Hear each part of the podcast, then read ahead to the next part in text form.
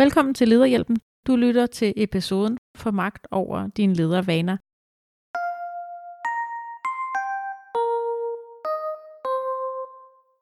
Vi skal i dag tale om, hvordan vaner ser ud for dig som leder, hvordan øh, arbejdsvaner ser ud. Vi kommer til at stille skarpt på, hvad betydning dine vaner egentlig har for dit jobliv og dine karrieremuligheder. Og så kommer vi til at se på øh, Kasper, og Karina to forskellige øh, situationer. Kasper han har øh, nogle vaner, han gerne vil arbejde med i forhold til at blive mere effektiv og få mere overskud og balance ind i sit hverdag og få en bedre work-life balance.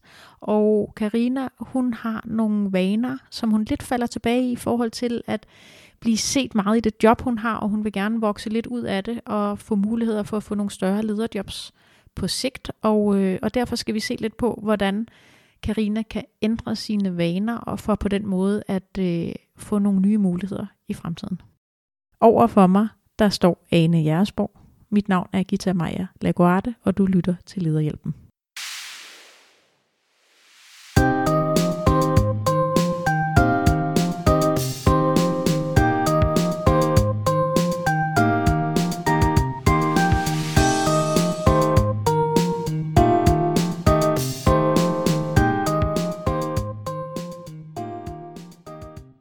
Ofte så er det jo sådan, når vi snakker om vaner, så handler det noget om, at øh, vi skal løbe hurtigere, stærkere, komme i bedre form, øh, tabe og spise sundere, lege mere med vores børn. Der er rigtig mange ting, der sådan relaterer sig til, til vaner, og ofte så er det jo noget, vi introducerer som, som nytårsforsætter. Har du nogle nytårsforsæt, Gita? Nej, ikke rigtigt. Jeg har sådan lidt, der daterer sig 7-8 år tilbage, som jeg stadig ikke har leveret på, og så, så længe det ikke er leveret, så tror jeg ikke, jeg skal lave flere. Men jeg synes, vaner er spændende, og har jo arbejdet meget med det, øh, og det er jo sådan lidt en, en anden variant af, af et nytårsforsæt. Altså det handler i hvert fald om, at, at, øh, at vi mange gange tænker, at der er en vane, jeg enten gerne vil have, eller en, jeg gerne vil af med. Og det kan jo være mange andre ting end, end sådan noget som kostemotion. Og, øh, og det vi arbejder med er jo sådan noget som ledervaner, arbejdsmetoder og hvordan du kommunikerer eller strukturerer din hverdag øh, som leder på en moderne arbejdsplads. Og der er vaner jo i høj grad noget af det, som der styrer din adfærd. Jo, og måske noget, som er lidt overset, at, at, øh, at der er mange vaner, der faktisk knytter sig til ledelse. Øh, og, og jo bedre du som leder har øh, styr på dine vaner og har de rigtige vaner, jo lettere er det faktisk også at være leder. Det er også en af grundene til, at vi faktisk har et helt modul på vores lederuddannelse, ligefrem ledelse, som handler om, hvordan du kan få nogle gode ledervaner. Mm-hmm. Og det er jo det er egentlig svært at afgrænse, hvor starter og slutter vaner, ikke? for det går jo på tværs af dit arbejdsliv, ind i dit privatliv, helt ind i, hvordan står du op om morgenen. Men altså, hvis vi, hvis vi i hvert fald i den her podcast afgrænser os til arbejdslivet, og så vil der jo altid være sådan en, et grænseland ind i work-life balance, og hvordan man balancerer arbejdsliv og fritid. Men hvis vi fokuserer på arbejdslivet, så starter vanerne jo nærmest i det øjeblik, du kommer om morgenen og parkerer din bil og går ind i bygningen på dit arbejde, tager elevatoren, går du forbi kaffeautomaten, siger du godmorgen til dine kolleger, øh, starter du med at øh, kigge på nogle tilfældige e-mails, eller har du en struktureret metode for, hvordan du organiserer og starter din arbejdsdag op.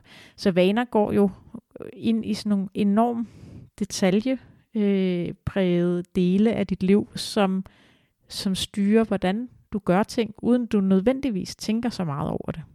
Og det er jo faktisk en ret vigtig pointe, det her med bevidstheden omkring vanerne. Fordi vaner, som ægte vaner, er jo noget, vi ikke bruger ret meget energi på. Det er bare noget, vi gør. Vi tænker ikke nødvendigvis særlig meget over det. Og det vil sige, når det er gode vaner, som understøtter det, vi gerne vil, så er det jo rigtig fint. Men hvis det er uhensigtsmæssige vaner, så er det faktisk noget rigtig skidt. Ja. Og derfor så er der jo sige, to veje ind i det. Der er både det, der handler om at blive opmærksom på sine på sine dårlige vaner, hvis man kan sige det sådan, men også tænke over, hvad for nogle nye gode vaner kunne jeg godt tænke mig at etablere. Ja, noget af det, som jeg synes er, at der også mangler fokus og, og taknemmelighed måske over de gode vaner, vi har. Jeg synes, når man taler vaner, så er det tit sådan noget med ting, der er dårlige, mm. eller ting, der skal ændres. Øhm, men vi glemmer også nogle gange lige at tænke over, hvad er egentlig alle de gode vaner, som jeg har i mit liv, som der gør, at jeg bare gør rigtig mange ting på automatpilot, som jeg øh, skal være dybt taknemmelig over, fordi det bare gør noget godt for mit liv. Øhm, og det har vi sådan måske lidt, fordi vi gør det på automatpilot, så har vi måske lidt en tendens til bare at tage det for givet, og det er egentlig synd. Ja, vi påskynder det ikke tilstrækkeligt. Så, men vaner er jo øhm, også noget, der sker altså fuldstændig automatisk, og noget, der frigiver energi, og noget, som vi, vi kunne slet ikke overleve uden vaner, øh, fordi at vi ikke ville kunne tage stilling til alle de ting, og alle de valg, og alle de, alle de ting, du gør på automatpilot. Hvis du skulle tage stilling eller tænke over alt det, så ville du drukne i beslutninger, inden klokken var blevet kvart over syv om morgenen. Så sådan helt grundlæggende skal vi være taknemmelige for det, men også en fælde, fordi det kan udvikle sig til dårlige vaner.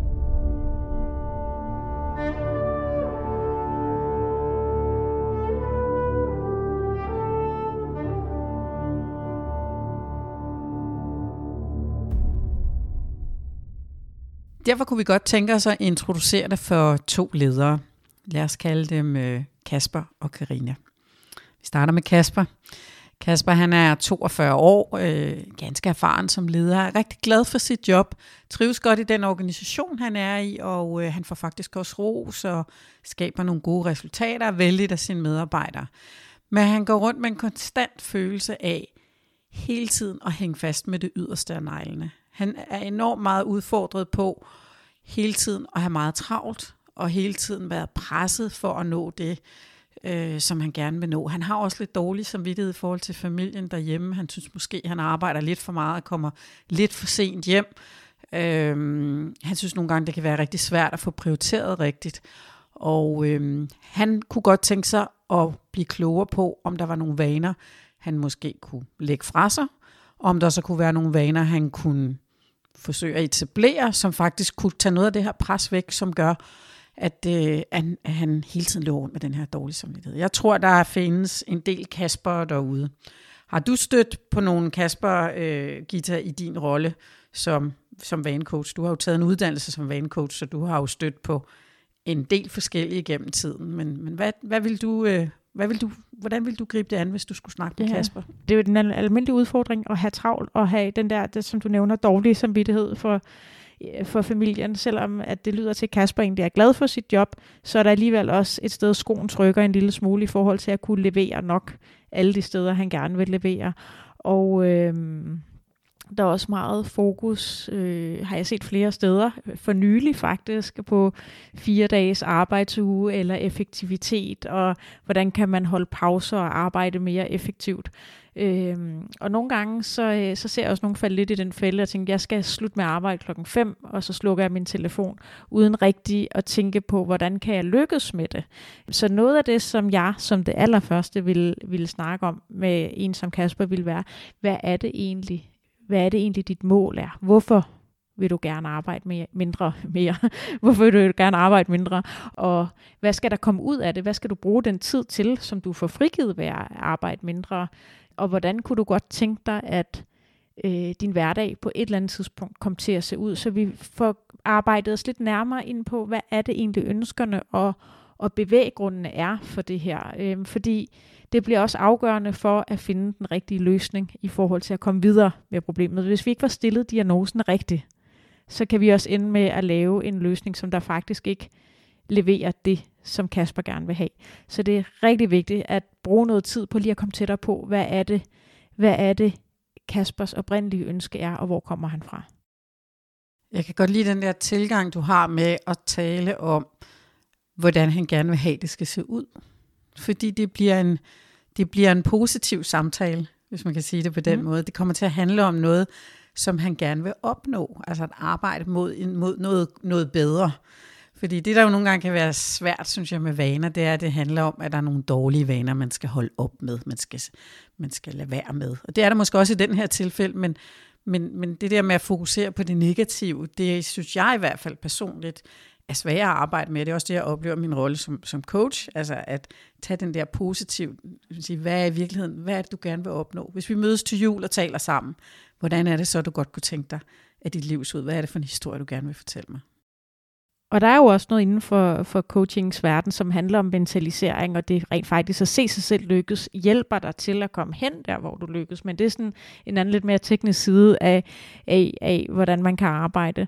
Men, øh, men det er rigtig vigtigt at tale om, også om, hvad skal der så ske, når tiden kommer? Fordi det, som jeg også har oplevet, har været, at når så du får mere tid, så ender du med at arbejde mere. Og det er jo sådan en sjov cirkel at falde i, og det, fordi der er altid mere, du kan lave som leder øh, i dit arbejde. Men hvis du får frigivet tre timer om ugen, hvor at du faktisk er færdig med dit arbejde, hvad skal den tid så bruges til? Fordi hvis ikke du er enormt opmærksom på det, så ender du måske bare med at starte nye projekter op, eller finde på nyt arbejde, eller lave nogen, noget af de andres arbejde. Og hvis intentionen var at hente børnene tidligere, eller lave mad en gang om ugen, eller gå til, hvis, badminton. gå til badminton, eller hvis, eller hvis din intention var at være mere synlig over for dine medarbejdere, rent faktisk bruge tiden på arbejdet, men på en anden måde, så skal du også have bagt ind i hele den her proces, at du lige er opmærksom på, når du så får frigivet tiden, så får du også brugt den til det, du gerne vil. Ellers så ender du også i den der, ting tager den tid, der er til rådighed. Mm. Så hvis du får frigivet tre timer et sted, så bliver det så måske bare opsuget af noget af det andet, ja. og så er der ikke sket nogen forskel. Ikke? Mm. Det er jo det, der altid er en udfordring. En af dem, som jeg støder på fra tid til anden, og som kunne passe rigtig godt på Kasper, det er den her med at have en kalender, der er ret fyldt op. Have mange møder, gå fra det ene møde til det andet. Så har man lige fem minutter mellem mødet, og så tjekker man lige sine mails. Kan du, har du stødt på den?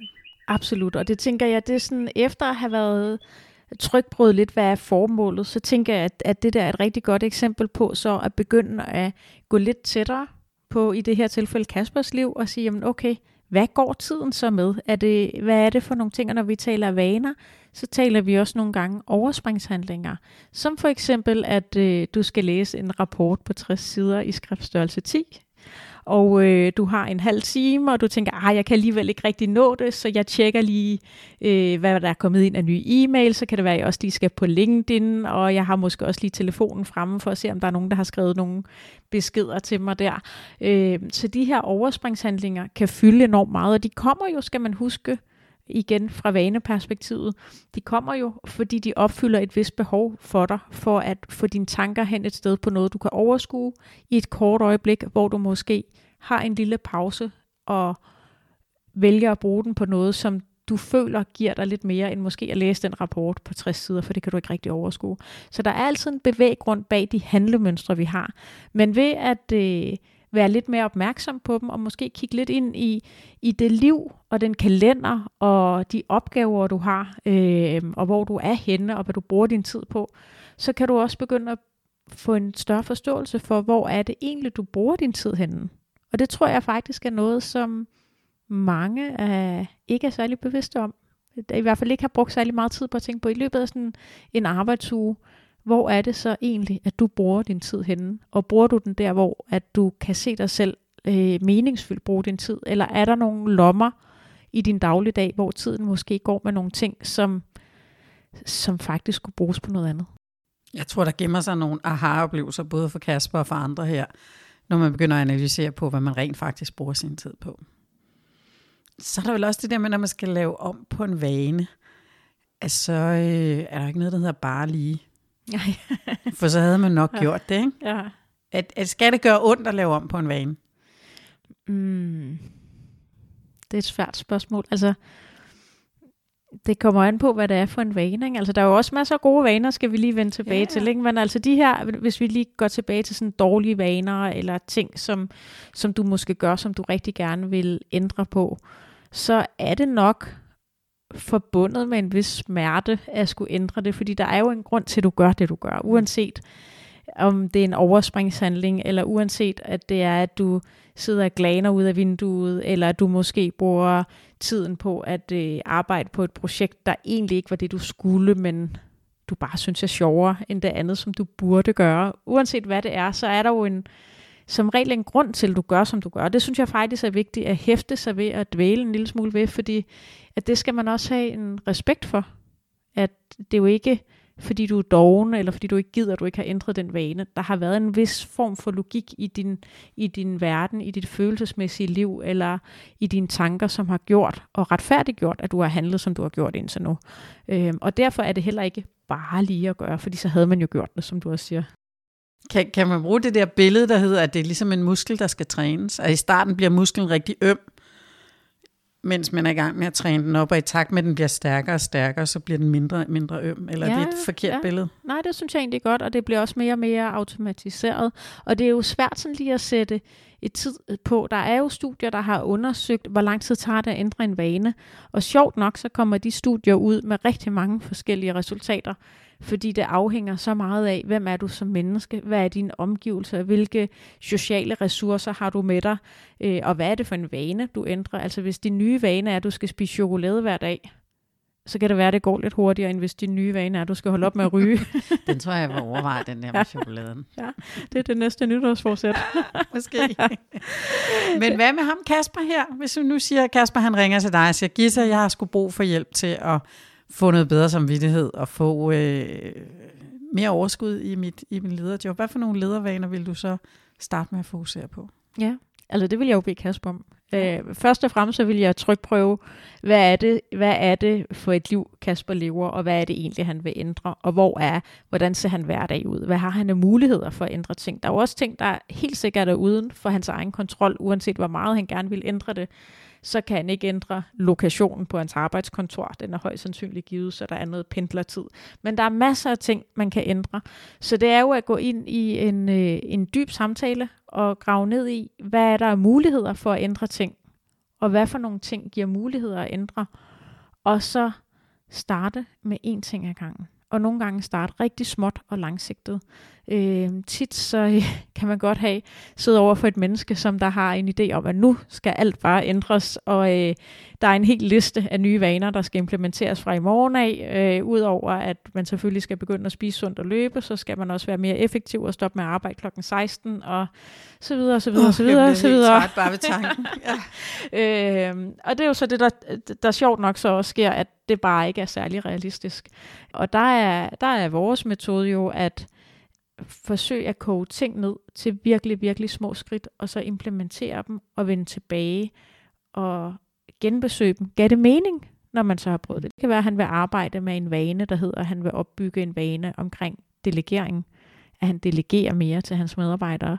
Øh, det kan være, at han vil opbygge en vane med mere effektiv mødeafholdelse, så der går mindre spildtid på møderne. Det kan være rigtig mange forskellige ting. For mig er det vigtigt, at det er noget, der kommer fra Kasper selv, noget, der har grobund i hans liv og hans hverdag, og som giver mening i hans kontekst. Fordi det kan være enormt forskelligt, hvad der giver mening fra det ene menneske til det andet. Og så dernæst få det konkretiseret så meget som, okay, hvis ikke der skal være spildtid på møderne, hvad betyder det så i praksis? Hvad er spildtid? Hvad er okay, og hvad er ikke okay? Eller hvis Kasper gerne vil delegere mere, hvad betyder det så i Kaspers hverdag? Hvordan ser det ud, når han delegerer mere? Hvad for nogle ting skal han ikke delegere? Hvad for nogle ting skal han blive ved med at arbejde med? Øhm, så simpelthen dykke ned i nogle af de ting, og så starte et sted og sige, nu prøver vi det her, og se hvad Kasper prøver at implementere det og øve det hver dag i de næste tre uger.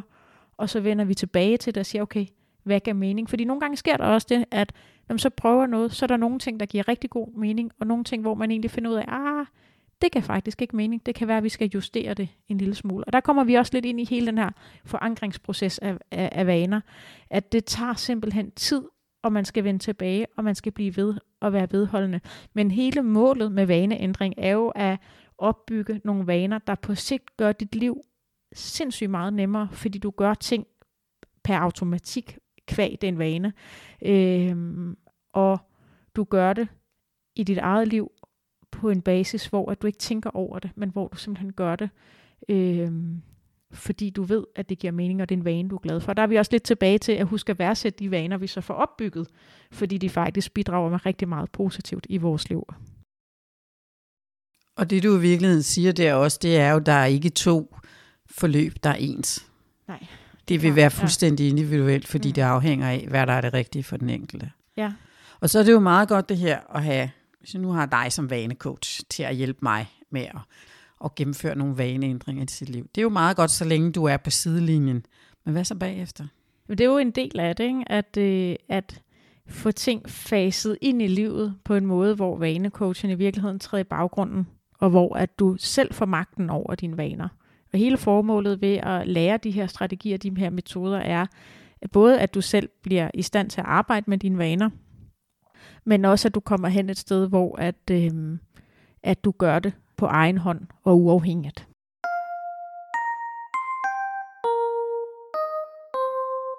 Hvis man sådan lidt afslutningsvis for sådan at runde Kaspers situation af, skulle kigge lidt ind i, hvor går grænselandet egentlig mellem almindelig coaching og vanecoaching, så er der jo et vis overlap, blandt andet i teknikkerne, som i høj grad er de samme metoder og teknikker, der bruger, men hvor at den almindelige coaching vil være mere reflekterende, hvor at du reflekterer på din egen situation, dine egne tanker, dine egne handlemuligheder. Det vil også have præg af at være handlingsorienteret ting, du skal gøre for at komme det sted hen, du gerne vil.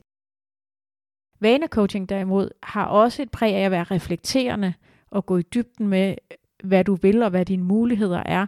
Men derefter så drejer den lidt ind i et meget handlingsorienteret forløb, hvor at vi fokuserer på, hvad er det for nogle vaneændringer, som du definerer og som du implementerer i dit liv, og hvor du genbesøger og følger op og arbejder struktureret med at få ting og adfærdsændringer ind i dit liv som vaner.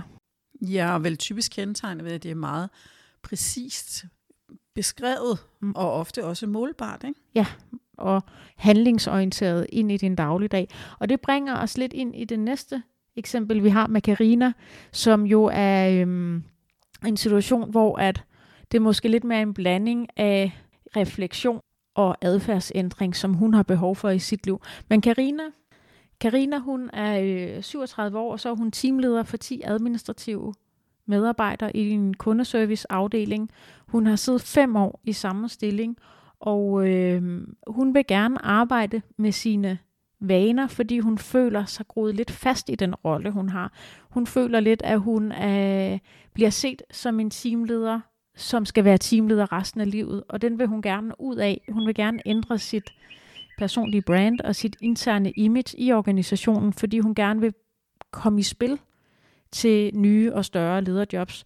Og øh, hun har nogle vaner, som hun beskriver i sin dagligdag, som at hun falder lidt tilbage i rollen som den, der tager referat på møderne og henter kaffe, og den, der lidt er administrationsmedarbejder, lederen.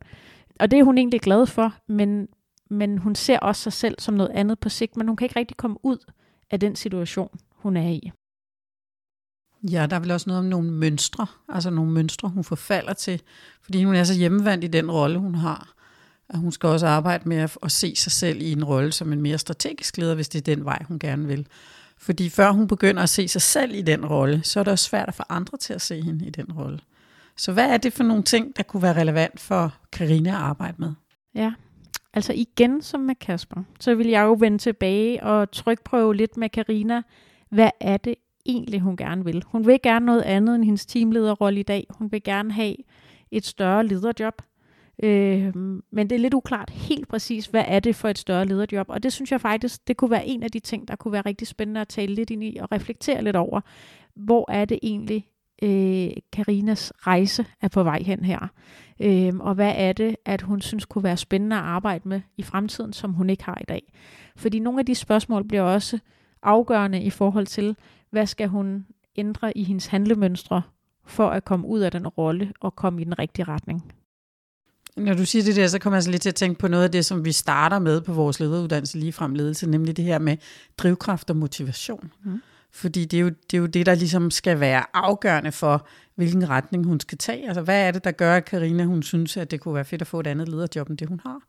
Hvorfor er det ikke godt nok, det hun har? Hvad skal det nye kunne kunne, for hun føler sig motiveret af det og har drivkraft ind i det? Det mm. tænker jeg altså, som refleksion på det, du siger også. Og det er jo nogle spændende samtaler, ikke? fordi det bliver jo typisk, når vi har de her samtaler, så bliver det jo sådan en leg med tanker, hvor man tænker, jeg tror, jeg kunne tænke mig noget af det her, men mm. jeg ved det faktisk ikke, for jeg har ikke prøvet det endnu.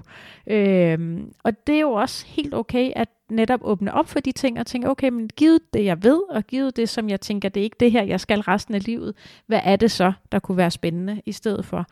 Øhm, og så kunne hun jo også stille sig selv det spørgsmål, hvis hun ellers øhm, lykkedes i at få sat nogle ord på, hvad er det for en lederrolle, hun gerne vil have i fremtiden, så kan hun øh, tage den lederrolle. Hun kan også tage hendes leders lederrolle og sige, okay, hvad er det, der kendetegner den rolle, som er anderledes i forhold til den rolle, jeg har i dag fordi det vil også give hende noget pejlemarker på, hvad er det, hun skal udvikle, og hvad er det, hun skal gøre anderledes i forhold til at vokse ind i andre typer lederroller. Ja, den går vel begge veje. Altså hun skal både kigge på de vaner, kunne man sige, som hendes leder eller andre ledere på det niveau har, som hun ikke selv har. Men det kan også være nogle vaner, hun har, som de ikke har. Altså der er noget, hun skal aflære. Ja. Øh, så den kan gå begge veje i virkeligheden, for at forstå, hvordan er det, hun kan arbejde med at positionere sig i forhold til at blive set ind i en større lederrolle, og også på den måde bygge sig selv op til det. Måske i den organisation, hun er, men jo også hvis hun skulle ud og søge et job et andet sted. Der ville hun jo også skulle kunne se sig selv og tro på sig selv i den rolle, for at kunne få andre til at opdage det samme. Det er jo i øvrigt også nogle af de øhm, spørgsmål, som vi nogle gange har oppe med kommende ledere, altså øhm, nogen, der ikke, dem, der ikke er ledere i dag, men som rigtig gerne vil lande første lederjob, øh, som du jo taler ofte med, øh, og, og har i, hvad skal man sige, i den anden ende af skærmen, når du kører webinaret Land dit første lederjob, at, at der skal du ind og finde ud af, hvordan kan du træne dine lederkompetencer? I det ikke-lederjob, du har i dag, for at bringe dig selv i spil til det lederjob, du gerne vil have i morgen. Den var lidt knudret. Jeg tror, jeg ramte den nogenlunde. jeg, jeg tror godt, jeg forstod, hvad du mente. Ja. ja. øhm, men, øhm, og det er lidt det Ellers samme. må man lige tage den på repeat, hvis ja. det er. ja. Det er lidt det samme her, at, at Karina skal ind og sige, okay, hun er, hun er god til hendes lederjob i dag som teamleder. Hun vil gerne vokse ind i noget andet. Hun skal forsøge at træne sig selv op Øh, og der kommer vaneændringen og vaneopbygningen jo ind i at sige, at okay, hun falder tilbage i nogle mønstre, hun falder tilbage i noget adfærd. Og det er måske meget, meget få justeringer, der skal til, som hun skal øve sig på i sin hverdag, for øh, lige pludselig at bringe sig selv i spil og blive set som en, der har potentiale til at træde ind i, øh, i andre stillinger. Det kan være, at hun sætter sig for at stille nogle spørgsmål på en bestemt måde på de ledermøder, hun deltager i. Det kan være, at hun opøver, hvordan hun er synlig i organisationen. Det kan være, at hun arbejder på sine relationer ved vaneændringer. Øh, det er jo sådan lidt mere atypisk måde at se vaneændringer på. Tit tænker vi det sådan meget praktisk øh, og handlingsorienteret, men kommunikationer, relationer er jo i høj grad vanebetonet. Hvem snakker vi med, når vi møder ind på arbejdet?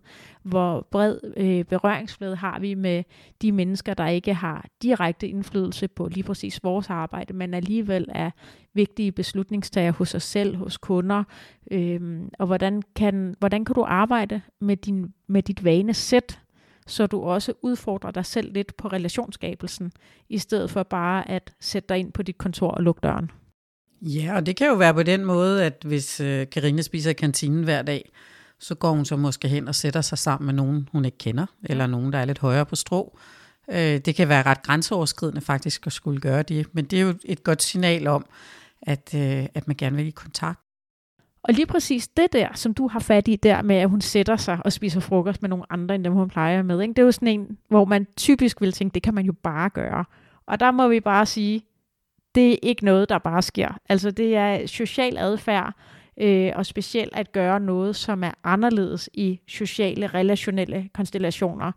Det er noget, der i den grad kræver mentalt overskud og strukturering og målrettet arbejde for at lykkes i det. Ikke? Og der vender vane, vanefokuset i forhold til relation og kommunikation øh, er noget af det, som kan være allermest givende, men også allermest udfordrende at arbejde med. Og det vil jo også være nødvendigt, hvis det er, hun gerne vil tage et step øh, videre øh, i ledelsesrollen, til en tungere ledelsesrolle, så skal hun jo også have mod til at gøre nogle af de her ting, hvor hun træder ud af sin komfortzone og udvider sin komfortzone ved at blive ved med at træne og gøre det. Mm. Udfordre sig selv på det. Så målet det kunne være at sige, en gang om ugen spiser jeg frokost med nogle andre end dem, jeg plejer. Ja, altså, skal have frokost. Meget banalt, så kan det være, at hun ikke har en kantine, men så er der nogle andre ting, hvor hun kan møde ved kaffemaskinen, eller hvad det nu måtte være. Ja, en anden ting, som, som også er interessant at arbejde med, det er slet ikke noget med Karina at gøre. Det kunne være relevant for, for Karina også. Men det er jo bare hele netværksdelen. Altså, hvordan plejer du dit netværk? Hvordan holder du kontakt til øh, gamle kolleger? Hvordan sørger du for, at du har et godt fagligt netværk øh, på tværs af din branche?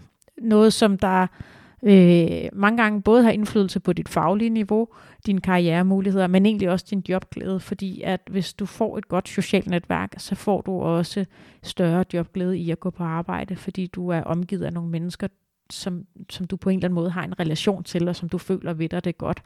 Øh, så, øh, så noget, der kan bruges på rigtig mange forskellige sæt, men som vi måske ikke taler så meget om til hverdag. Så det var sådan to eksempler med Kasper og Karina, hvor, hvor Kaspers var sådan meget i forhold til det eksisterende job og nogle konkrete ting omkring processer måske i hverdagen, der skulle tænkes på en anden måde, etableres nye vaner og aflæres nogle vaner. Og så var det Karina, hvor mere det går på det mere relationelle. Og det er i virkeligheden bare to eksempler på, hvordan man kan arbejde på vaner, øh, og, og på ledervaner specifikt, og at ledervaner faktisk er et helt begreb i sig selv, som måske er lidt overset. Mm. Den sidste del, som man måske sådan kort bare kunne bruge et par minutter på, er hele den her forankringsdel. Øhm, og der er vi lidt tilbage til de her undersøgelser, der viser, at det tager 21 dage eller 66 dage at ændre en vane, som, som man jo ikke rigtig kan bruge til noget, for det afhænger af dig som person, det afhænger af vanen, det afhænger af dine omgivelser og det miljø, du er en del af. Øh, men det, som, vi, som jeg i hvert fald godt tør lægge hovedet på blokken og sige, det er, at det tager faktisk rimelig lang tid sådan rigtigt at få opbygget en vane, der skal holde resten af livet. Det kræver, at du sådan over en længere periode vender tilbage til lige præcis den vane og arbejder sådan lidt målrettet på at sige, det er det her, jeg vil. Til gengæld så kan der også være mange ting, der bare ved en lille vaneændring faktisk fører rigtig mange andre gode ting med sig. Øhm, så på den måde er det, er det også at sige, okay, i stedet for at satse øh, pengene på 10 forskellige heste, så prøver jeg at gøre én ting og fokusere på det og gøre det over en lidt længere periode, og er bevidst om, at det her det er noget, jeg skal bruge en en, have en lang tidshorisont på at være sikker på, at jeg virkelig får ind i mit liv, fordi det er noget, jeg rigtig gerne vil. Og det er vel også bedre at lykkes med en lille vaneændring, end at være ikke en succes, fordi man ikke lykkes med noget som helst. De der store ambitioner, man havde om vaneændring. Ikke? Det er vel også, altså, man skal virkelig, det lyder måske lidt fjollet, sænke ambitionsniveauet lidt. Ja, ja, men, at det, men at lykkes med at have en stor succes med en lille bitte vaneændring, ja. kan i virkeligheden virke selvforstærkende og gøre, at den næste vaneændring måske bliver lidt lettere. Ja, og nogle gange kan det også hjælpe at tænke, hvad er den mindste ting, ja. som jeg kan gøre, der får mig i den rigtige retning. Fordi så de dage, du har en dårlig dag, hvor du måske ikke kommer helt i mål med det, du egentlig havde sat dig for, kan du stadig sige, okay, så minimum, så skal jeg gøre den her lille bitte ting hver dag. For jeg ved, at summen af de her små ting hver eneste dag, alt andet lige får mig i den rigtige retning, og det gør, at jeg kan fortsætte fokus på det her, som er en svær ting.